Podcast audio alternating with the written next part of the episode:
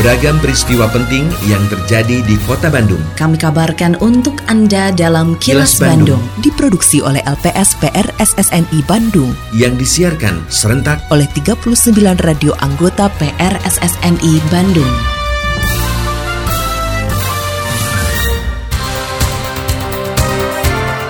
Sejumlah informasi aktual kami hadirkan untuk Anda dan inilah informasi utamanya. Pemerintah Kota Bandung mendapat hibah dua aset lahan dari masyarakat. DPRD Kota Bandung tanggapi penutupan sementara Masjid Raya Al-Jabar. HPSN 2023 menjadi babak baru pengelolaan sampah. Saya, Santika Sari Sumantri, inilah kilas Bandung selengkapnya. Pemerintah Kota Bandung memperoleh dua lahan aset baru yang merupakan hibah dari masyarakat. Kedua aset tersebut berupa lahan seluas 96,75 meter persegi di Kelurahan Karasak, Kecamatan Astana Anyar, dan lahan dengan luas 1.018 meter persegi yang lokasinya berada di pinggir Pasar Caringin. Usai meninjau kedua aset tersebut, Sekretaris Daerah Kota Bandung Emma Sumarna mengatakan lahan hibah di Kelurahan Karasak akan dimanfaatkan sebagai jalan inspeksi jika ada perbaikan di pintu air Sungai Citepus. Sedangkan lahan hibah di pinggir Pasar Caringin akan digunakan sebagai subterminal. Reporter Evi Damayanti melaporkan, Emma menyatakan pihaknya dalam waktu dekat akan melaporkan ke wali kota mengenai lahan tersebut. Untuk selanjutnya menandatangani akta hibah yang akan menjadi dasar untuk sertifikasi lahan hingga menjadi aset resmi milik pemerintah kota Bandung. kita melihat ada aset yang memang ini aset tambahan bagi pemerintah kota karena ada warga masyarakat yang menghibahkan. Yang pertama dari Pak Haji Tatang yang ada di Kelurahan Karasak di Kecamatan Asananyar. Itu seluas 96,75 meter dan manfaatnya adalah untuk jalan inspeksi untuk kalau kita melakukan perbaikan apakah itu di pintu air, apakah itu untuk perbaikan di sekitar Sungai Citepu. Kemudian yang kedua, kita hadir di Pasar Caringin. Nah, di sini Pak Haji Tisno sudah memberikan lahan ke kita yaitu 1018 dan sesuai dengan rencana rencananya bahwa itu adalah untuk kepentingan tambahan fasilitas layanan publik di Dinas Perhubungan yaitu untuk subterminal. Polisi menangkap tiga orang pelaku pengeroyokan terhadap orang dengan gangguan jiwa atau ODGJ yang dituduh sebagai penculik anak di Desa Patengan, Kecamatan Ranca Bali, Kabupaten Bandung. Kapolresta Bandung Komisaris Besar Polisi Kusworo Wibowo mengatakan kasus ini berawal dari adanya video penganiayaan di Kecamatan Ranca Bali, Kabupaten Bandung yang beredar luas di media sosial. Korban yang diduga sebagai pelaku penculikan anak ternyata orang dengan gangguan jiwa karena sudah ada di lokasi selama tiga pekan. Reporter Yudi Dirgantara melaporkan, menurut Kusworo, pada saat korban mendatangi anak kecil, warga langsung meneriakinya, sehingga korban lari ke warung dan mengambil rokok, kemudian dianiaya sejumlah pelaku. Korban ini adalah diduga pelaku penculikan anak. Ada yang teriak bahwa yang bersangkutan adalah penculikan anak, kemudian kedua orang ini datang melakukan penganiayaan kepada korban, kemudian datang satu wanita, istri daripada salah satu tersangka, yang melakukan pemasangan lakban di daerah mata dan juga tangan diikat ke belakang dan dilakban sehingga lebih leluasa untuk melakukan penganiayaan terhadap korban. Suara Ketua DPRD Kota Bandung dan politisi PKS Teddy Rusmawan.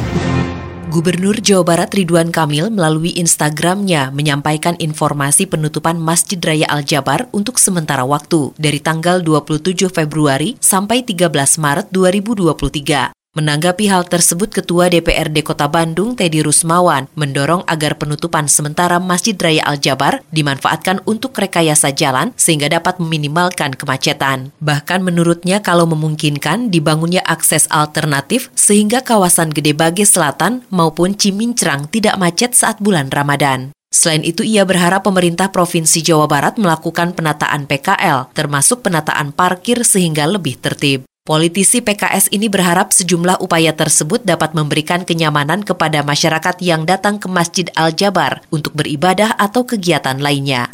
Kami DPRD Kota Bandung dengan penutupan sementara ini mendorong agar dimanfaatkan untuk perbaikan rekayasa jalan untuk meminimalisasi kemacetan bahkan kalau memungkinkan ada akses alternatif sehingga kawasan Gede Bage Selatan maupun Cimincrang tidak macet di bulan Ramadan. Kemudian juga dilakukan penataan PKL termasuk juga penataan parkir sehingga lebih tertib. Tentu hal ini besar harapan akan memberikan kenyamanan kepada jamaah yang akan melaksanakan ibadah maupun kegiatan taklim dan kegiatan-kegiatan di Masjid Al-Jabar. Kini, audio podcast siaran Kilas Bandung dan berbagai informasi menarik lainnya bisa Anda akses di laman kilasbandungnews.com. Peringatan Hari Peduli Sampah Nasional atau HPSN menjadi refleksi perjalanan panjang sistem pengelolaan sampah di Indonesia. Pada peringatan HPSN tingkat Provinsi Jawa Barat tahun 2023, pelaksana tugas Asisten Pemerintahan dan Kesejahteraan Rakyat Setda Provinsi Jawa Barat Dewi Sartika mengatakan, peringatan HPSN harus berimplikasi pada pergeseran perhatian dan fokus sistem pengelolaan sampah terintegrasi. Selain itu memiliki dampak positif sebagai bagian aksi mitigasi dan adaptasi perubahan iklim. Menurutnya, HPSN 2023 menjadi wujud dari salah satu prinsip pengelolaan sampah berkelanjutan melalui ekonomi sirkular, sekaligus upaya mitigasi menurunkan efek gas rumah kaca dan harus menjadi babak baru pengelolaan sampah di Indonesia menuju zero waste, zero emission. Peringatan HPSN ini haruslah tentu saja berimplikasi terkait dengan selain saja edukasi maupun sosialisasi, tetapi ini adalah harus menjadi sebuah gerakan. Bagaimana pergeseran perhatian perhatian dan fokus sistem pengelolaan sampah terintegrasi serta memiliki dampak positif sebagai bagian aksi mitigasi dan adaptasi dari perubahan lingkungan. Jawa Barat adalah provinsi dengan jumlah penduduk terbanyak se-Indonesia dan tentu saja ini juga akan berdampak terhadap dinamika persampahan yang ada di Jawa Barat. Terkait dengan berita sebelumnya,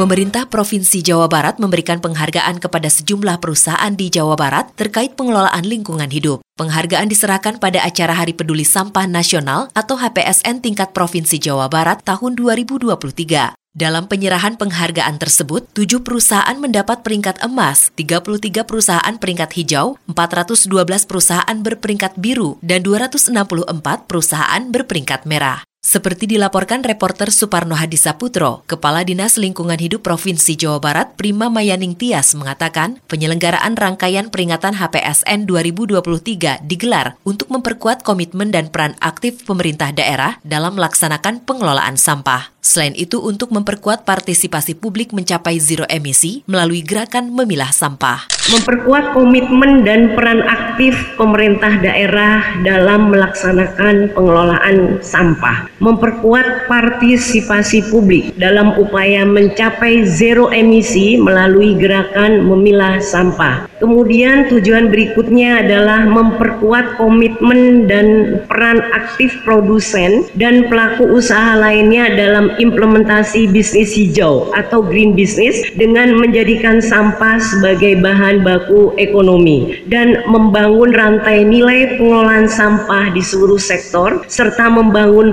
pengurangan sampah dan penurunan emisi secara sistematis dan integratif di semua sektor. PT Kereta Api Indonesia Daerah Operasi 2 Bandung menyiapkan 250 ribu lebih tiket kereta api jarak jauh untuk angkutan lebaran tahun ini. Penjualan tiket dapat dipesan mulai 26 Februari melalui sejumlah kanal resmi yang tersedia. Manajer Humas PT KAI Daops 2 Bandung, Mahendro Trangbawono mengatakan, khusus penjualan tiket angkutan lebaran tahun ini, pihaknya menerapkan kebijakan menjual tiket mulai H-45 sebelum keberangkatan. Reporter Suparno Hadisaputro melaporkan, Mahendro juga mengimbau masyarakat yang hendak melakukan pemesanan tiket untuk selalu memperhatikan syarat perjalanan menggunakan moda transportasi kereta api. Jadi PT KAI akan membuka pemesanan tiket lebaran mulai tanggal 26 Februari 2023. Itu untuk keberangkatan tanggal 12 April 2023. Masa lebaran itu selama 22 hari akan menyiapkan 250 ribu tiket atau 250 ribu tempat duduk. Jadi perharinya ada sekitar 11 ribuan tiket yang kami sediakan. Tahun ini untuk masa lebaran sendiri pemesanan sudah dibuka H-45 yang biasanya cuma H-30 ini untuk memberikan waktu lebih kepada masyarakat agar merencanakan perjalanannya dengan baik. Lindungi diri dari COVID-19 dengan selalu memakai masker saat beraktivitas dan berinteraksi. Tetap patuhi protokol kesehatan untuk mencegah penularan virus corona karena pandemi belum usai. Terima kasih Anda telah menyimak Kilas Bandung yang diproduksi oleh LPSPR SSNI Bandung.